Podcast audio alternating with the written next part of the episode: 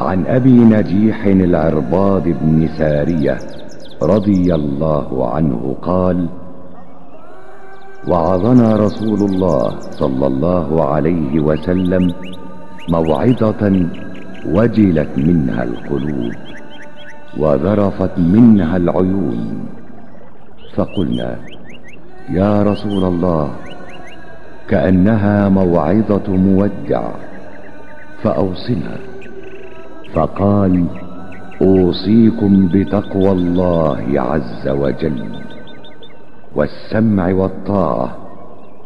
وإن تأمر عليكم عبد فإنه من يعش منكم بعدي فسيرى اختلافا كثيرا. فعليكم بسنتي وسنة الخلفاء الراشدين المهديين.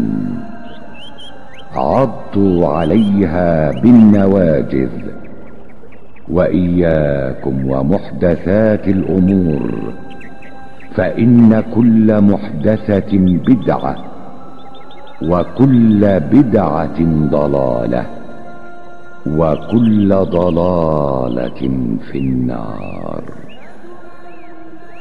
رواه أبو داود والترمذي. وقال حديث حسن صحيح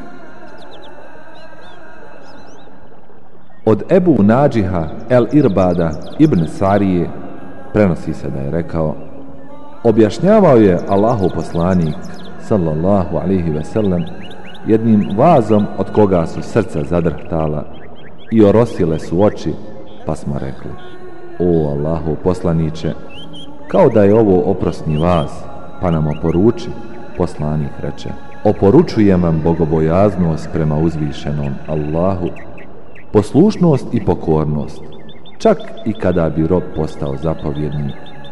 Zaista, ko poživi od vas, vidjet će mnoga razmimo i laženja, a vama je dužnost moj sunnet i sunnet pravovjernih halifa, pa ga se čvrsto držite, a čuvajte se novotarija Svaka novotarija je bidat, a svaki bidat je zabluda, a svaka zabluda vodi u vatru.